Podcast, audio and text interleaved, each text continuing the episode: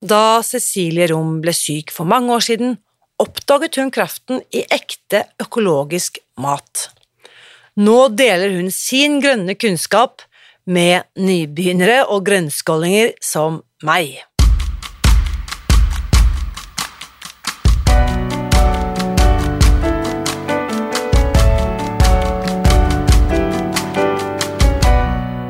Mitt navn er Irina Lie.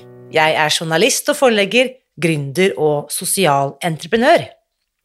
I 2015 spiste jeg meg fri fra overvekt og fedme etter å ha slitt med vekt, kropp og følelser i nesten 30 år. Etter at jeg knakk koden, ga jeg meg selv et nytt oppdrag – å dele denne kunnskapen med alle som trenger det. I denne podkasten kan du derfor høre hele lydboken Spis deg fri. Den finner du ved å bla deg tilbake i arkivet og lytte til første sesong. Hver uke inviterer jeg nå gjester som gir deg påfyll til hodet, hjertet og magen. For min visjon er å endre Helse-Norge, og det får jeg ikke til alene. Du bidrar ved å abonnere på podkasten, skrive en omtale i iTunes og tipse meg om hvem jeg burde invitere hit. Da setter vi i gang med ukens episode. Det høres kanskje rart ut, men det er veldig lite i mitt liv som jeg planlegger. Jeg har kanskje meislet ut en slags kurs om hvor jeg ønsker å være på vei, men alt det som skjer underveis, det er ofte ting som bare oppstår. Og det var på en sånn eh, rusleferd langs eh, livets landevei at jeg for noen uker siden ramlet inn på en bondegård i Bærum, og det har endret mitt liv.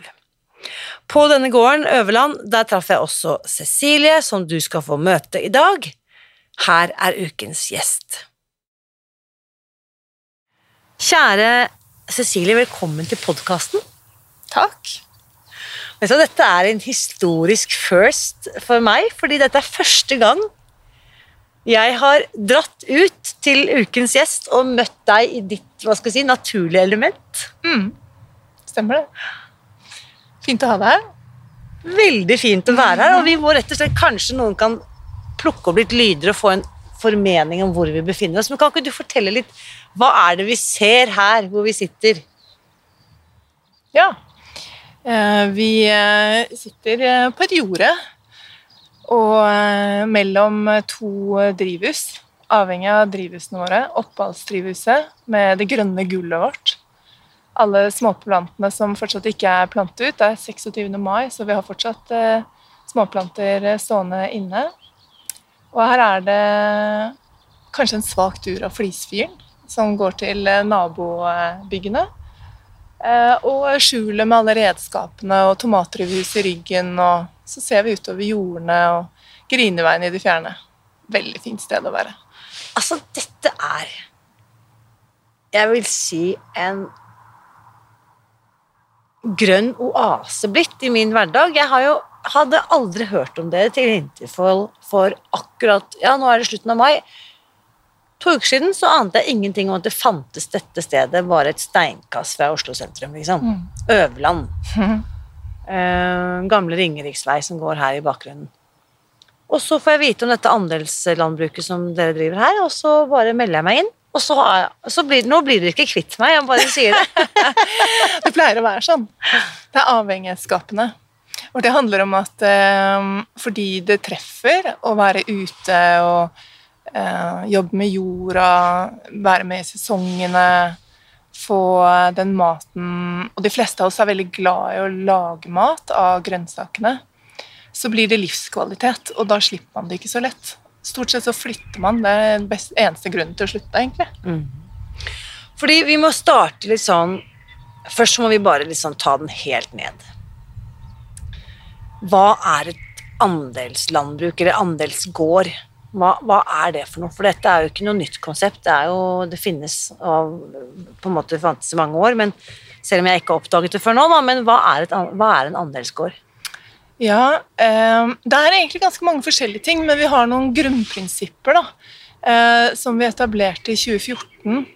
Eh, som eh, skisserer opp hva et andelslandbruk da, er, til forskjell for ja, eh, med kommersiell produksjon av økologiske grønnsaker. Da. Og det handler om at eh, vi er eh, i dialog eh, med andelshaverne, altså bonden, da, eller gartnerne i dette tilfellet, det, i dette bruket, eh, om hva som skal dyrkes. Sånn at eh, det er et kooperativ, så alle er med eh, på å bestemme hvor mye og hva.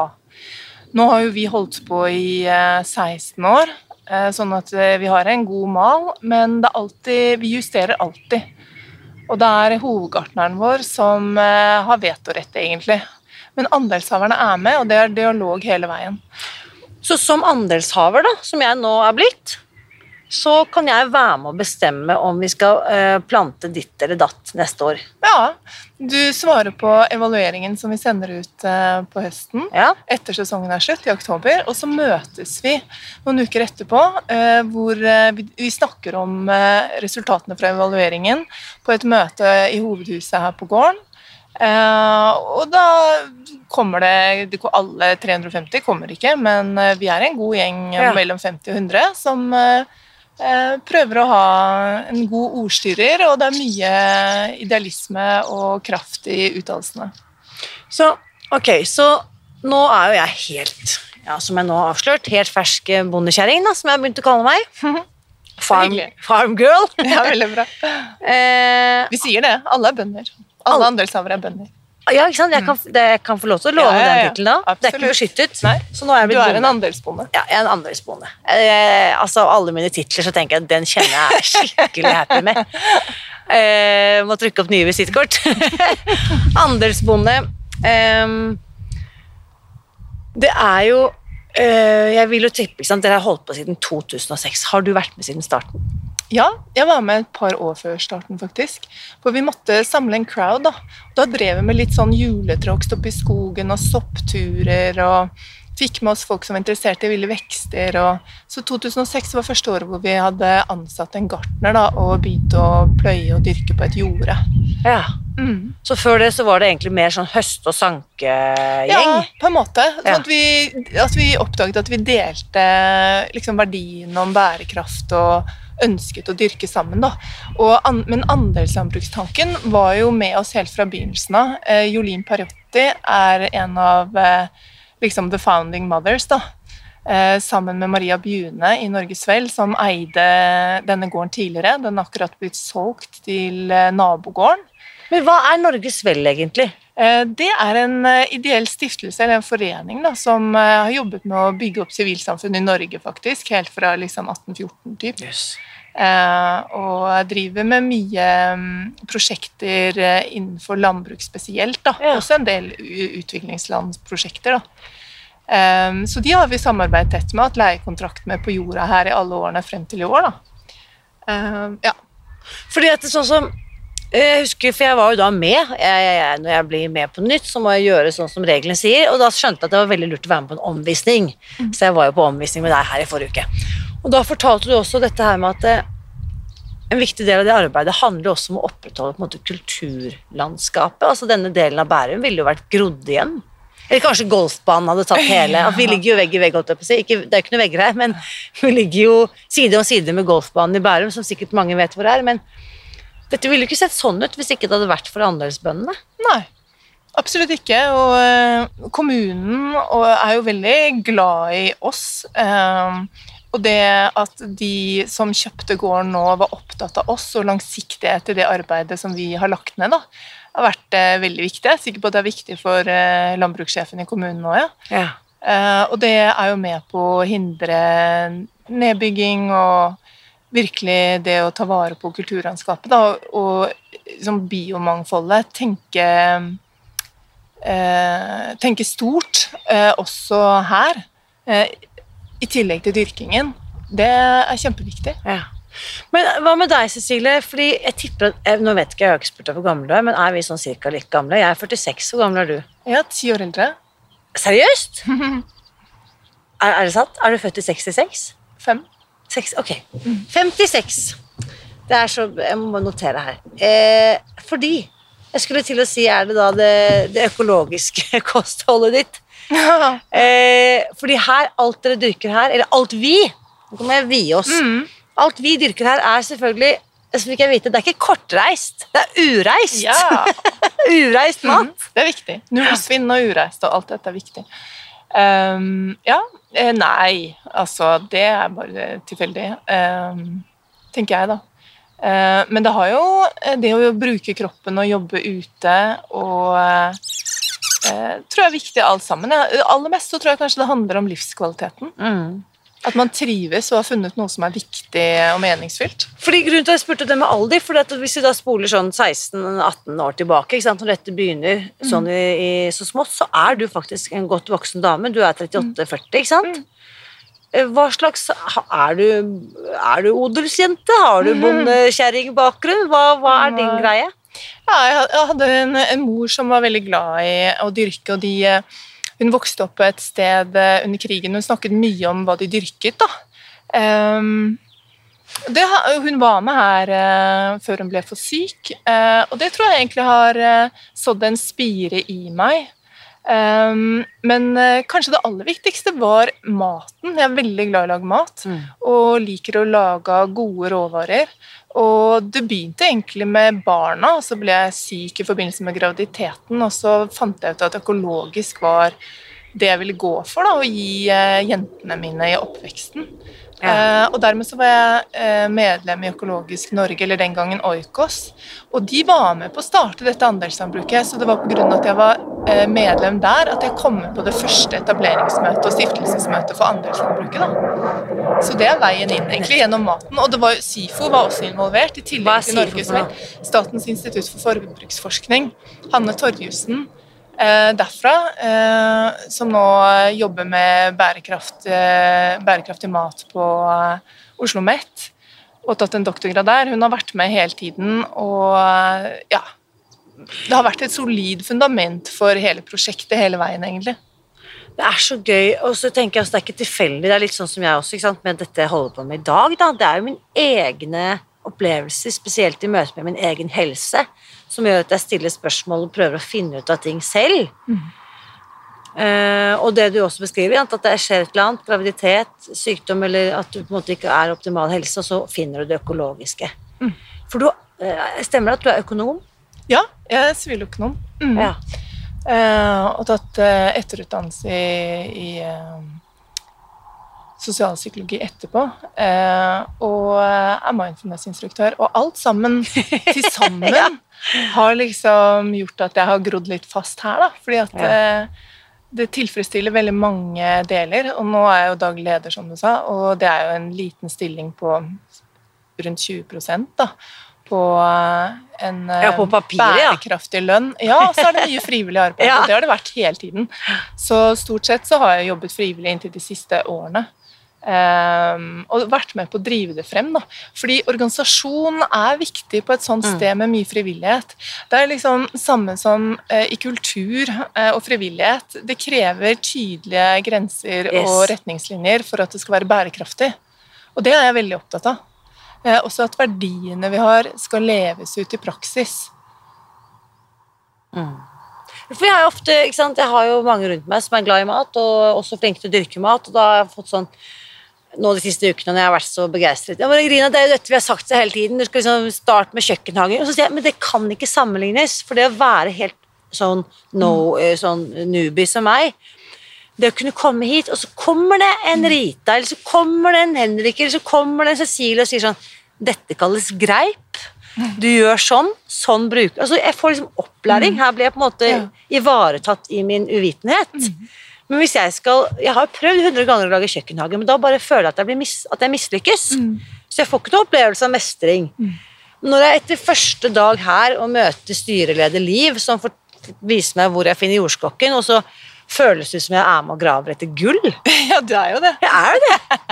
Ja, Altså, Vi har spist så mye jordskokksuppe hjemme hos meg den siste uken. Eller eh, barna mine de smaker det også, men, men uh, mor er veldig begeistret. Ja. Og det, det får jeg jo ikke når jeg prøver å sette i gang på egen hånd. Så det er jo det som er så genialt med å komme inn. Det som du sier, her er det en organisasjon som kan ivareta nybegynnere som meg. Og faktisk, det er jo mange forskere som har vært eh, fascinert av dette også, da. Fra eh, ja eh, hva heter det? Nibio, altså på Ås. Eh, og, de, og Cicero har vært her. Og de, eh, for ikke mange år siden, intervjuet en familie før de ble, eller når de ble andelshavere, og eh, ett år etterpå. Ja. Eh, De intervjuet flere familier. Da. Og det de fant, var en signifikant økning av kunnskap om selvberging. Og det er vi ganske stolte av, og Ja. det gir eh, mestringsfølelse. For det er den kunnskapsdelingen som er en utrolig viktig del av andelslandbruk. Da. Når man åpner gården og jordene, eh, og man møter, altså forbrukerne og bonden, da, eller gartnerne, møtes. Eh, Og etter hvert alle andelshaverne som blir dyktige fordi de har vært der en stund og lært mye, det er eh, uvurderlig. Uvurderlig. Og Naturvernforbundet elsker det. Det er den beste måten du kan eh, drive praktisk bærekraft på, nemlig selvbergingen. Da. Og apropos selvberging, fordi denne våren har vi jo mer enn én gang fått mye skremsler og mye på en måte skremmende forestillinger om hva som kan skje. At det, det kan bli matmangel, det er energikrise. I Oslo da, eh, så har vi, hatt, eh, har vi fortsatt vannmangel, ekstrem tørke etc., etc. Så har du da, eller har dere merket noen større pågang med folk som har dette i mente, liksom? Som, er, som, er, som kan ha det som en drivkraft til å komme til en gård? Jeg tror det er veldig mange grunner til at folk blir andelshavere. Det er akkurat som hvorfor velger man økologisk. Eh, Men jeg tror at mange av andelshaverne her er ganske handlekraftige. Eh, Og at de handler på de meningene de har, da. og ikke bare sitter i sofaen på en måte og venter Nei. på at ting skal skje. Ja. Eh, Så det er mange deltakere her. Eh, Og det merker man i fellesskapet, da. Mm. Mange ivrige sjeler som gjerne tar grei på spaden og, og stå på. Og gjerne utover de seks timene de har forplikta seg til å jobbe her. Da. Eh, Og da gjør de det med glede. Eh, Da er liksom plikten borte. Mm. Nei, altså jeg, jeg er bare glad det ikke er noe sånn øvre tak jeg, på hvor mange timer jeg får lov til å være, for jeg har brukt opp de seks timene allerede. Men øh, bare sånn for å øh, ta sant, Vi var inne på det, men her er det altså alt fra mye selvfølgelig rotgrønnsaker, sånn som man kanskje tradisjonelt tenker på når det gjelder landbruk i Norge. Poteter, løk, øh, masse ulike kålsorter. øh, selleri, har dere det? Ja, sellerirot. Um, mm. Uh, vi har jo um, vi, Gartneren kommer etterpå, så kan det hende at vi kan få en liten prat, en Ja, oppsummering. Eh, men um, det er eh, Vi prioriterer noen grønnsaker eh, som er gjerne, som du sier, da, potet, gulrot, betene, Mm. som alle er veldig opptatt av, og så kommer kålen.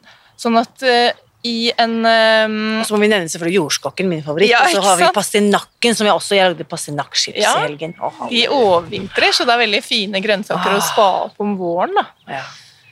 Og det som er, er at, eh, at gartnerne får ofte flaskehalser da, når på en måte alt skal skje i våronna og på den tiden her når det skal være utplanting.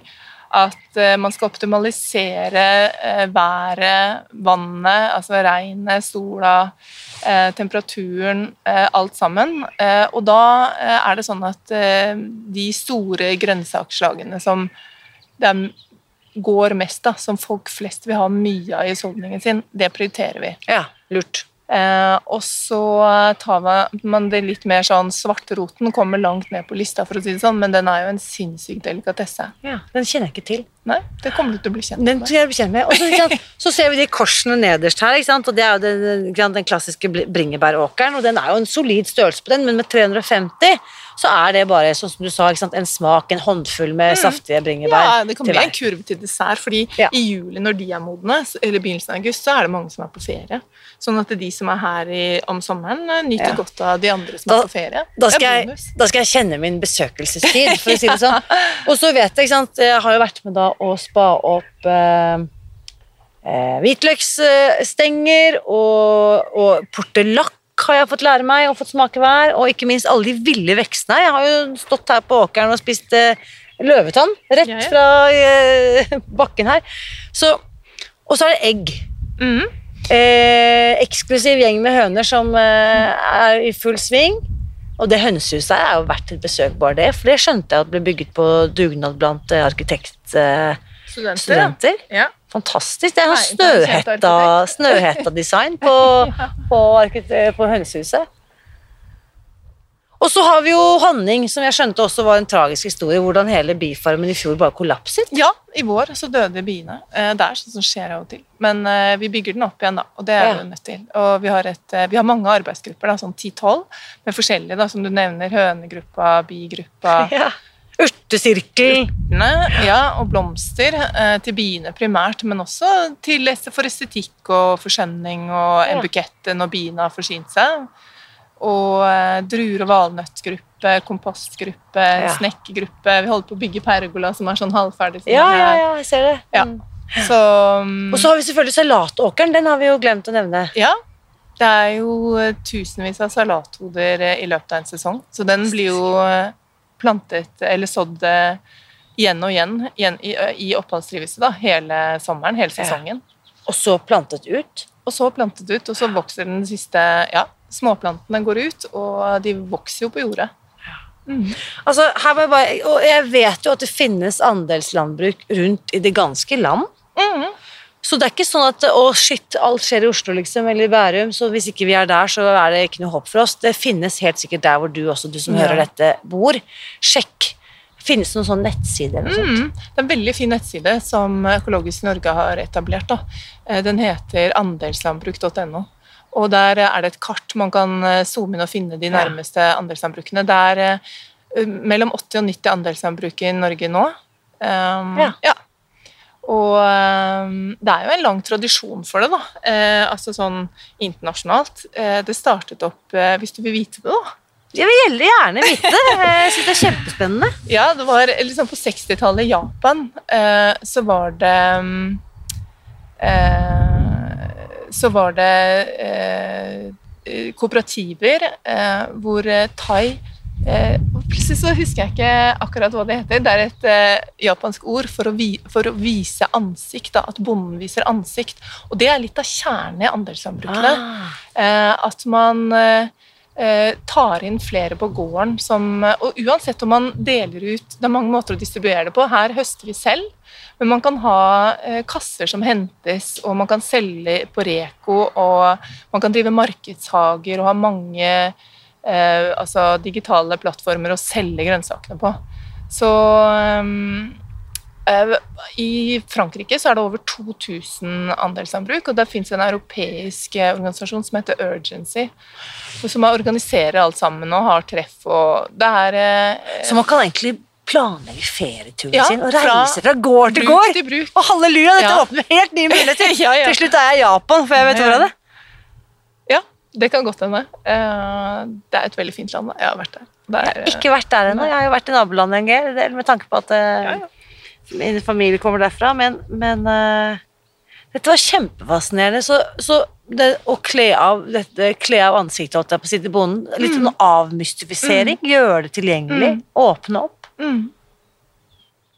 Det er um, en veldig fin måte, og en egentlig ganske nytenkende måte å drive landbruk på.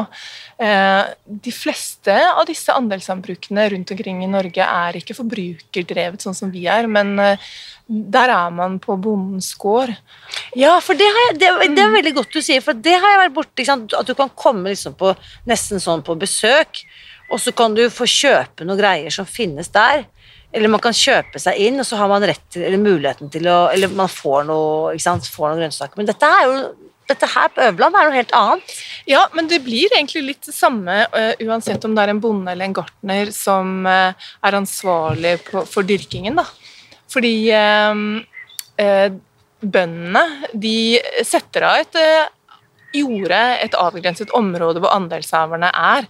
Og det er litt forskjellig. Noen syns det er greit at de parkerer på tunet, det er litt avhengig av størrelsen også, mens andre har liksom rigga egen parkeringsplass og sånn at man ikke kommer for tett på våningshuset, for å si det sånn. Ja. For vi er jo åpne 24-7 um, for høsting og jobbing og Så det skjer jo stadig noe. Du skal være egentlig litt glad i folk da, på en måte, for å være Ja. med i et sånt fellesskap. Men du trenger heller ikke være med. Vi har jo mange fester, ikke mange, men vi har høsttakkefest men, og pizza. ikke sant? Og da pizzakveld i, i pizzaovnen som er, hører til gården. Men eh, man trenger jo ikke være med på det. Man kan jo gjøre akkurat som man vil. Det er veldig fint. Ja, for første gang jeg var her, det er jo da torsdag, da, for en uke siden.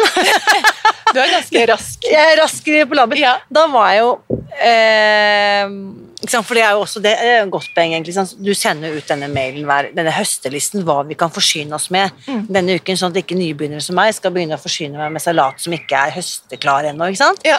Så da sto det klart og tydelig at dette er siste uken med jordskokk, og det var jo gullet jeg var på jakt etter.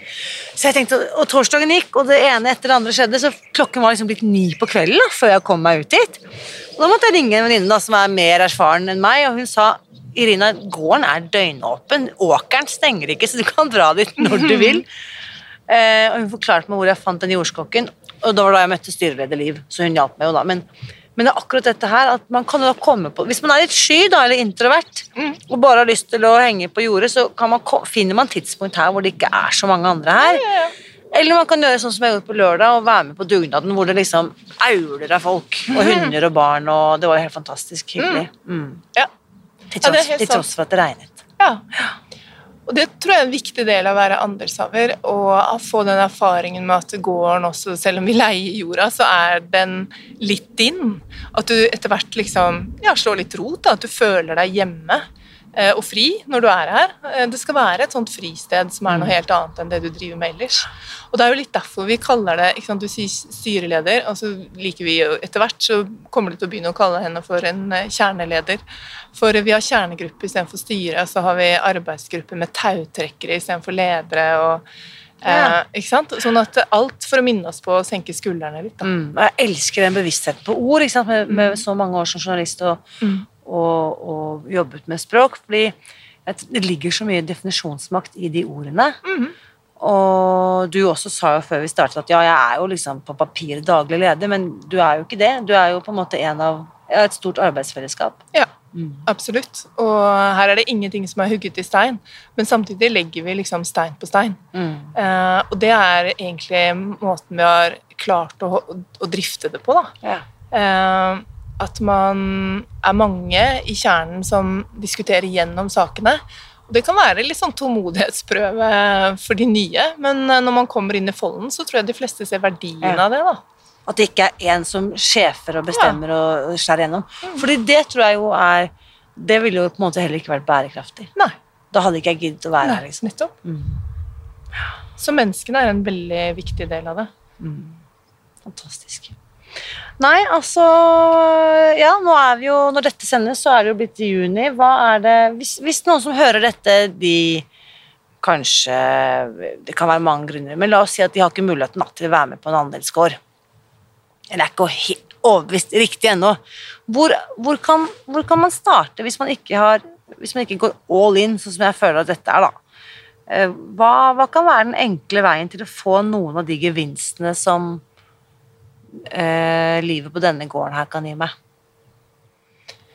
Ja, Det kommer jo litt an på om du har eh, balkong eller eh, takhage eller eh, hage, liksom, Ja. altså i forhold til dyrkingen. da. Um, men det å utnytte plass til å dyrke og ha en bevissthet på det, sånn som det er blitt mer og mer av i Oslo, og nå er det jo sånn at nye byggefelt vil jo alltid inkludere en eller annen form for grønn rekreasjon. Og det å dyrke spiselig, og i hvert fall eh, sikre eh, mangfoldet for eh, pollinerende insekter, det er utrolig viktig. Ja. Og det har jo blitt veldig økt bevissthet på det. Her har vi jo, planter vi jo i randsoner rundt jordene, sånn at eh, insektene kan eh, lettere komme over jordene våre, da, som er ganske store, fra elven her nede, Ah, Øverlandselven, og så opp nettopp, så du lager mm. en liten sånn veier for dem. veier for dem. Så øh, hvis, liksom, hvis man skal plukke tre, da Tre øh, grønnsaker, slash frukter, øh, greier man kan dyrke i sin egen lille pallekarm, eller hva man har. Hvilke tre vil du gå for, øh, Cecilie? Ja, jeg ville dyrket eh, grønnkål. Palmekålen smaker best, syns jeg. Den er den som er litt sånn eh, Ja, litt det er- svartere. Er det en, er det en grønnkålfamilie? Mm. Palmekål, altså? Mm. Palmekål ville jeg valgt. Um, og så ville jeg jo tatt en eh, pallekarm med urter, da. Eh, de fornyer seg jo. Eh, og hatt et variert utvalg. Det er få av de som man får til å overvintre.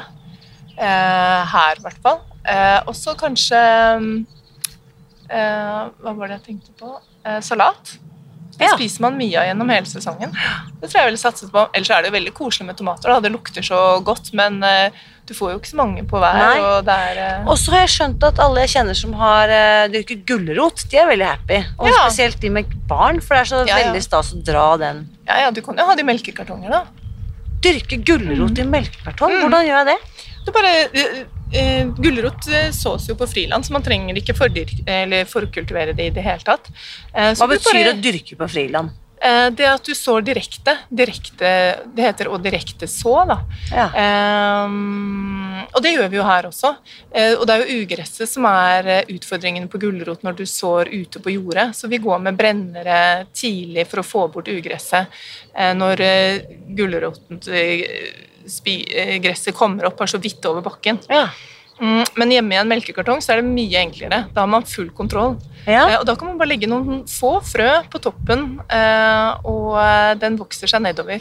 Så du sier altså fylle opp en liter med jord, Ja, litt sånn, Gjerne litt sandholdig jord for gulroten. da. litt sandholdig jord, blande litt Det her vet de på plantasjen når man går Ja, ja, der og kjøper. ikke sant? Absolutt. Jeg skal dyrke gulrot i melkekartong. Hva Ja. slags jord skal jeg ha? Ja. Og så putter du et par frø på toppen. Mm. Og that's it. ja, så leser du på frøpakken. Mm. Ikke les på melkekartongen, men Nei. les på frøpakken. Absolutt. Ok, Ja. Dette kan vi gartnerne mer om enn meg, da. Jo, jo, altså, jeg har men- jo hengt med en stund. Dette tror jeg er nok info til at de som hører dette hjemme, kan prøve dette hjemme. Ja, Gøy med Eh, barna. gøy med barna. Kan man da plante gulrot hele året rundt? Man kan jo det hvis man gjør det innendørs. Nei, Nei, eh, det tror jeg ikke du får til. Interessant. Dette er et agronomisk spørsmål, så nå kjenner jeg at jeg fort er på tynn is. Men ok, Så gulroten har rett selv innendørs under liksom kontrollerte Mm. forhold, så må vi følge sesongene. Ja, altså det er noe med lys og, og at du Hvis du har plantelys, da, som er et spesielt lys, så ble jeg litt usikker på om du ville klare det, men jeg, det er det jo ikke mange som har. Jeg tror det er litt større prosjekt. Ja, Så når er det vi planter Mm. gulroten? Eh, Den eh, sådde vi ut eh, for et par uker siden. Så midten av mai? Ja. Mm, det tror jeg du kan eh, klare akkurat så vidt før 17. Ja. mai. Mm. Greit, så det er jo for sent i år, men vi kan jo noe hvis noen er veldig nysgjerrig, nå så er kan det greit. vi jo teste. Ja, altså Ja. sånn i, til hjemmebruk. Men nå snakket vi ut på jordet, da. Ja da. Nei, ok, Men Mm. hjemmebruk så er det ikke Ja. for sent. Putt en, Finn frem en melkekartong. Ja, ja. Det er festlig også ja. så så å se det spire, og ikke minst utnytte ikke sant, steinene på ting man kjøper selv. Altså Jeg hadde eh, ti tomatplanter fra de økologiske tomatene som jeg bare tok ut. Ja, ikke sant? Du trenger ikke gå og kjøpe nei, en nei, absolutt ikke. Um, men det er nok ikke alle konvensjonelle grønnsaker som uh, gir deg frø du kan eh, spire. da. Så der må du sette deg litt inn i det. Men hvis du kjøper økologisk, så er sjansene mye større.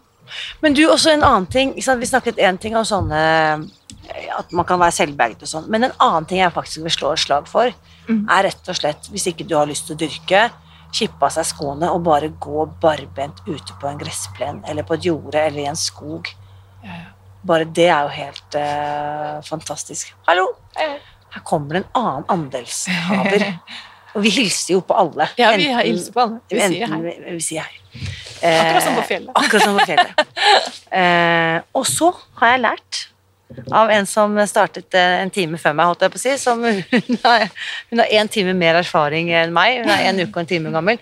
Hun fortalte at når vi sier ha det på Øverland, så sier vi tomat. Ja, Er det farvel på grønnsaksspråket? det tror jeg vi kan si. Men da vil jeg si tusen takk for fantastisk prat, eh, Cecilie. Tomat. Ja, tomat. Nå lurer jeg på, hva tenker du etter å ha hørt min samtale med Cecilie ute på åkeren i dag? Og hva har du tenkt å gjøre med det? Altså, jeg kan legge til at akkurat nå så har faktisk Øverland noen få ledige andelsplasser. Så hvis du kjenner at du har lyst til å bokstavelig talt stikke fingeren i jorden og høste og dyrke og lære å sanke din egen mat, så ta kontakt, enten det er da med Øverland eller din lokale andelsgård, og finne ut hva du kan gjøre for å få være med. Og så kan du også gå inn på Facebook-gruppen vår Spis deg fri og skrive noen ord om hvordan denne episoden har kanskje inspirert deg til å gjøre endringer i hverdagen din. Og så, siden vi nå har bikket inn i sommeren og det faktisk er blitt juni, så har jeg lyst til å benytte anledningen for siste gang her i podkasten i hvert fall, til å invitere deg til å bli med på den storstilte lanseringsfesten som vi skal ha, ja, det er vel neste helg, da. Eh, du finner mer info om denne festen på våre nettsider spisdegfri.no fest. Fordi søndag 12. juni så lanserer vi altså Susan Pearce Thompsons tredje bok som heter Restart. Den er skrevet med tanke på deg som strever med matavhengighet.